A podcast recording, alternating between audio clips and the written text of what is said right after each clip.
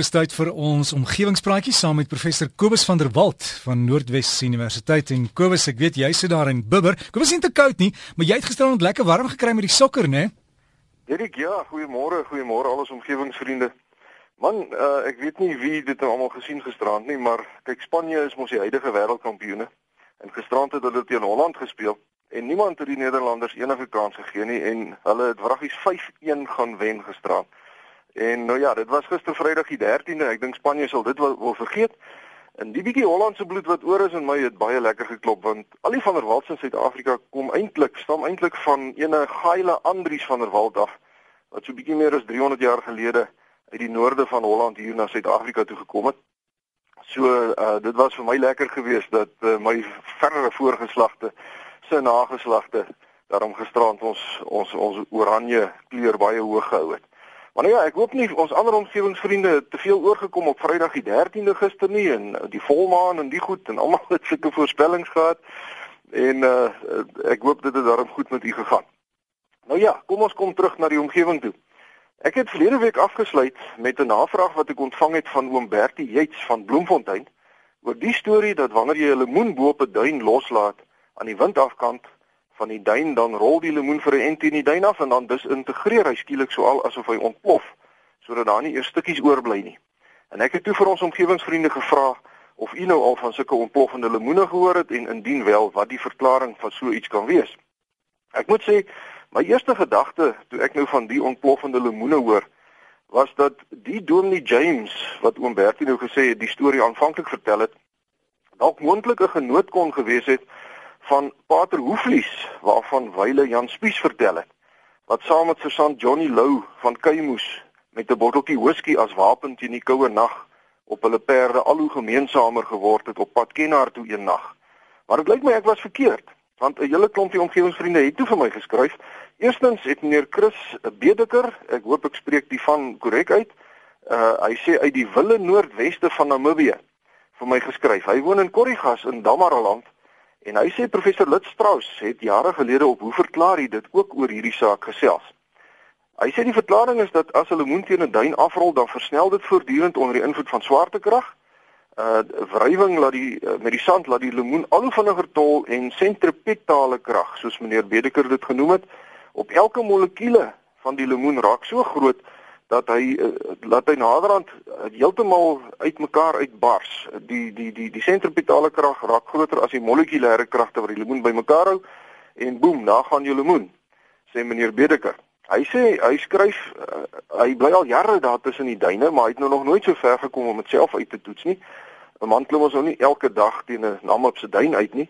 En nog elke keer as hy bo op 'n duin was, het hy nie 'n lemoen gehad nie. Ja, Derek, verlede week het jy gesê jy het 'n lemoen in die ateljee, maar jy het nie 'n duin nie. En meer Bedeker sê hy het duin man jy lemoenie, so miskien moet julle twee reël om bymekaar te kom, dan kan ons die saak dalk oplos. Ek sal weer lemoen moet koop, ek het hom geëet. nou ja, dit hierdie siening van die lemoene wat so vinnig tol, uh soos dit teen die duin afrol, uh, word gedeel deur meneer Kobus Bekes van Sanin. Hy sê hy dink dis ook die middelpunt vlietende krag se skuld omdat die steilte van die duin veroorsaak dat die lemoen so vinnig tol uh dat dit nou uitmekaar uitbars. Maar hy vra ook dat ek uh, moet verduidelik wat die verskil is tussen sentrifugale krag en sentripetale krag. Nou, baie dankie meneer Kobus Bekes van Sanien en ek sal nou-nou by die verskil tussen die twee kragte kom. Uh nog 'n omgewingsvriend wat gereageer het op die lemoene is meneer Charles Beeks van Randendal in Kreeusdorp. En hy skryf dat hy so 35 jaar gelede by Dr Petrus Silje aan huis was. Nou Dr Silje was destyds reeds oor die 70 jaar oud en was voor sy aftrede verbonde aan die voormalige Randse Afrikaanse Universiteit. En meneer Biek sê Dr. Silje het aan hom video's gewys. Ehm um, van iets wat hy destyds uh, tydens 'n vakansie in die eertydse Suidwes-Afrika opgemerk het. Hy sê die video wys duidelik dat 'n lemoen teen 'n duin afrol en dan net eenvoudig verdwyn. Hy sê 'n appel wat ook so afrol, hou egter net aan en rol sonder om te verdwyn en dieselfde gebeur met 'n bal. 'n Span spek daarenteen het soos die lemoen ook net verdwyn so halfpad met die afrolslag. En dokter Silje het toe met 'n soektog aan die onderkant van die duin begin en op twee eh, in aanhalingstekens balle sand afgekom. Toe hy die sand begin afkrap, was die lemoen binne-in die een en die span spek in die ander een. Hy sê 'n mens kon dit baie duidelik op die video sien en dokter Silje het daarna 'n afleiding gemaak dat 'n ronde voorwerp met 'n skurwe oppervlak of 'n skurwe skil dan nou soos die lemoen en die spanspek, veroorsaak dat sandkorrels daaraan vaskleef en dat dit die voorwerp dan tipies uh, amper soos 'n sneeubal bedek. In in die geval van 'n gladde oppervlak soos die appel en die bal, uh, het die sand nou egter nie vasgekleef nie. En hy sê as die lig dan mooi uit 'n sekere hoek uitval, uh, dat daar nou nie 'n skaduwee sigbaar is nie, dan skep dit die illusie dat die lemoen of die spanspek eenvoudig verdwyn of skielik disintegreer, maar nou nie noodwendig ontplof nie. Meneer Biek sê hy uh, weet nou nie of daar iemand is wat kan bevestig wat hy destyds gesien het nie en of daar dalk 'n naasbestaande van dokter Sewe is wat hierdie video's dalk nog iewers het nie. Baie dankie meneer Charles Beeks van Randendal vir u bydrae en ek moet sê dat u verduideliking vir my na die mees waarskynlike klink, maar ek sou graag vir ons omgewingsvriende wat in die name woon wil vra om eksperimenteel te kyk of u dieselfde resultate kry en my dan te laat weet. Plimmeduin, vat 'n bal lemoen, 'n spanspek, 'n appel, enige ronde vrug of voorwerp laat die goed rol teen die duin af en hou hom dop en vertel vir ons wat u waargeneem het. Ek moet bieg dat ek nou nog nooit in 'n eh, op vakansie in Namibië was nie. Ek het nog net enkele kere na Walvisbaai toe gegaan vir werk. En bo op 'n duin in die Namib was ek ook nog nooit nie, en, maar dis een van die goed, dis een van my hartewense om daardie pragtige buurland van ons baie beter te leer ken voordat ek nou die dag te oud word daarvoor. Maar intussen ons omgewingsvriende wat wel 'n duin en 'n lemoen byderhand het, laat weet vir ons wat gebeur as die lemoen teen die duin afrol asseblief. Uh nou terug by meneer Kobus Beker se vraag oor die verskil tussen 'n sentrifugale krag en 'n sentripetale krag. En dit is eintlik heel eenvoudig. As mens vinnig om 'n draai gaan met 'n motor, dan wil jou lyf reguit aanhou beweeg en jy sal 'n krag voel wat jou na die buitekant van die draai toe druk. As jy die motor bestuur, so jy sit aan die regterkant van die motor en jy draai skerp na links, dan sal jou lyf tipies teen die deur van die motor vasgedruk word. En hierdie krag wat 'n voorwerp na die buitekant van 'n draai wil laat beweeg, noem ons 'n sentrifugale krag of dan middelpuntvleiende krag. Die krag se invloed is dat dit die voorwerp waarop die krag uitgeoefen word wil laat wegbeweeg van die middelpunt van die draai af. Nou sentripetale krag is presies die teenoorgestelde daarvan. Met ander woorde, dit is 'n krag wat 'n voorwerp laat draai. Onthou dat enige voorwerp volgens Newton se eerste wet sal aanhou beweeg in 'n reguit lyn behalwe as 'n ongebalanseerde eksterne krag daarop uitgeoefen word. So as ons nou dink aan iets soos 'n tennisbal wat nou deur die lug trek, dan sal die tennisbal in 'n reguit lyn aanhou beweeg. Behalwe uh, daar is nou iets soos gravitasiekrag van die aarde wat die bal na die middelpunt van die aarde toe aantrek. En die swaartekrag uh, sal ons dus in hierdie geval beskryf as 'n sentripetale krag.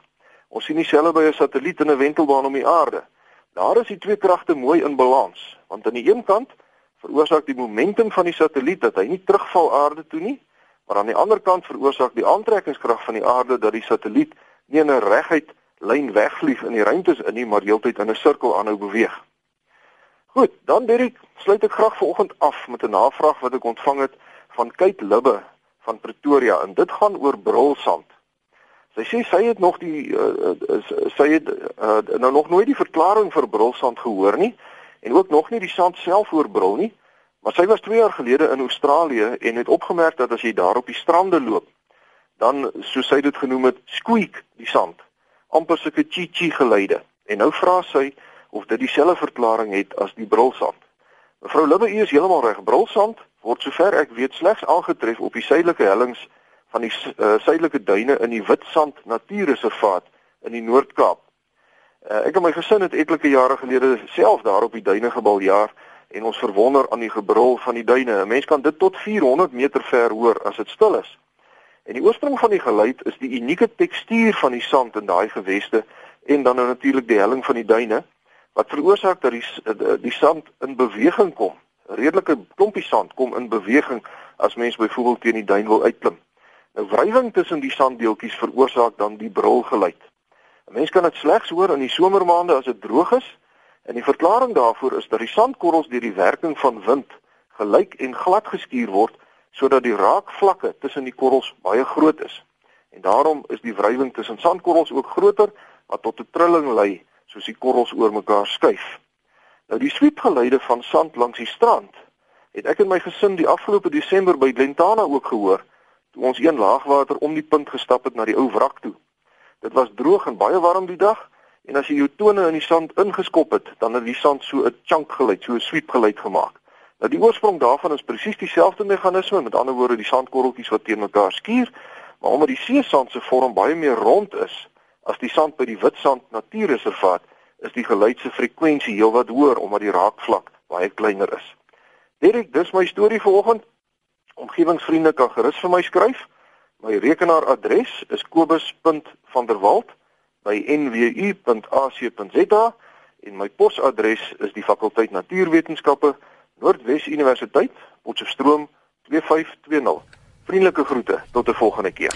Kobus, alles van die beste en en warm bly en dankie vir daai nuus oor die sand wat so raas, maar as jy seker dit was nie iets anders, jy het dalk iets gedrink of so nie, né? Derek nee en ons het ook nie iets geëet nie. So dit was definitief die sand wat gebrul het. ja, want ek het hier 'n hele paar SMS'e ook gehad van mense oor die duine en die lemoen storie, uh, wat sê hulle hulle kan getuig daarvan. En hulle moet maar net vir jou e-pos, dis Kobus met 'n K, né? Kobus. van der Walt aan mekaar. Dis reg, Derek. By nwu@ac.za. Kobus, alles van die beste. Jy moet 'n lekker naweek hê. Dankie Dirk, dieselfde vir jou en dieselfde vir al ons omgewingsvriende. En daar is Prof Kobus van der Walt van Noordwes Universiteit en ons het dit bietjie groen gehou. Onthou as jy van wil e-pos, ek gaan dit weer vir jou gee, is Kobus met 'n K, Kobus.vanderwalt by nwu.ac.za. En onthou hierdie ouens is wetenskaplikes.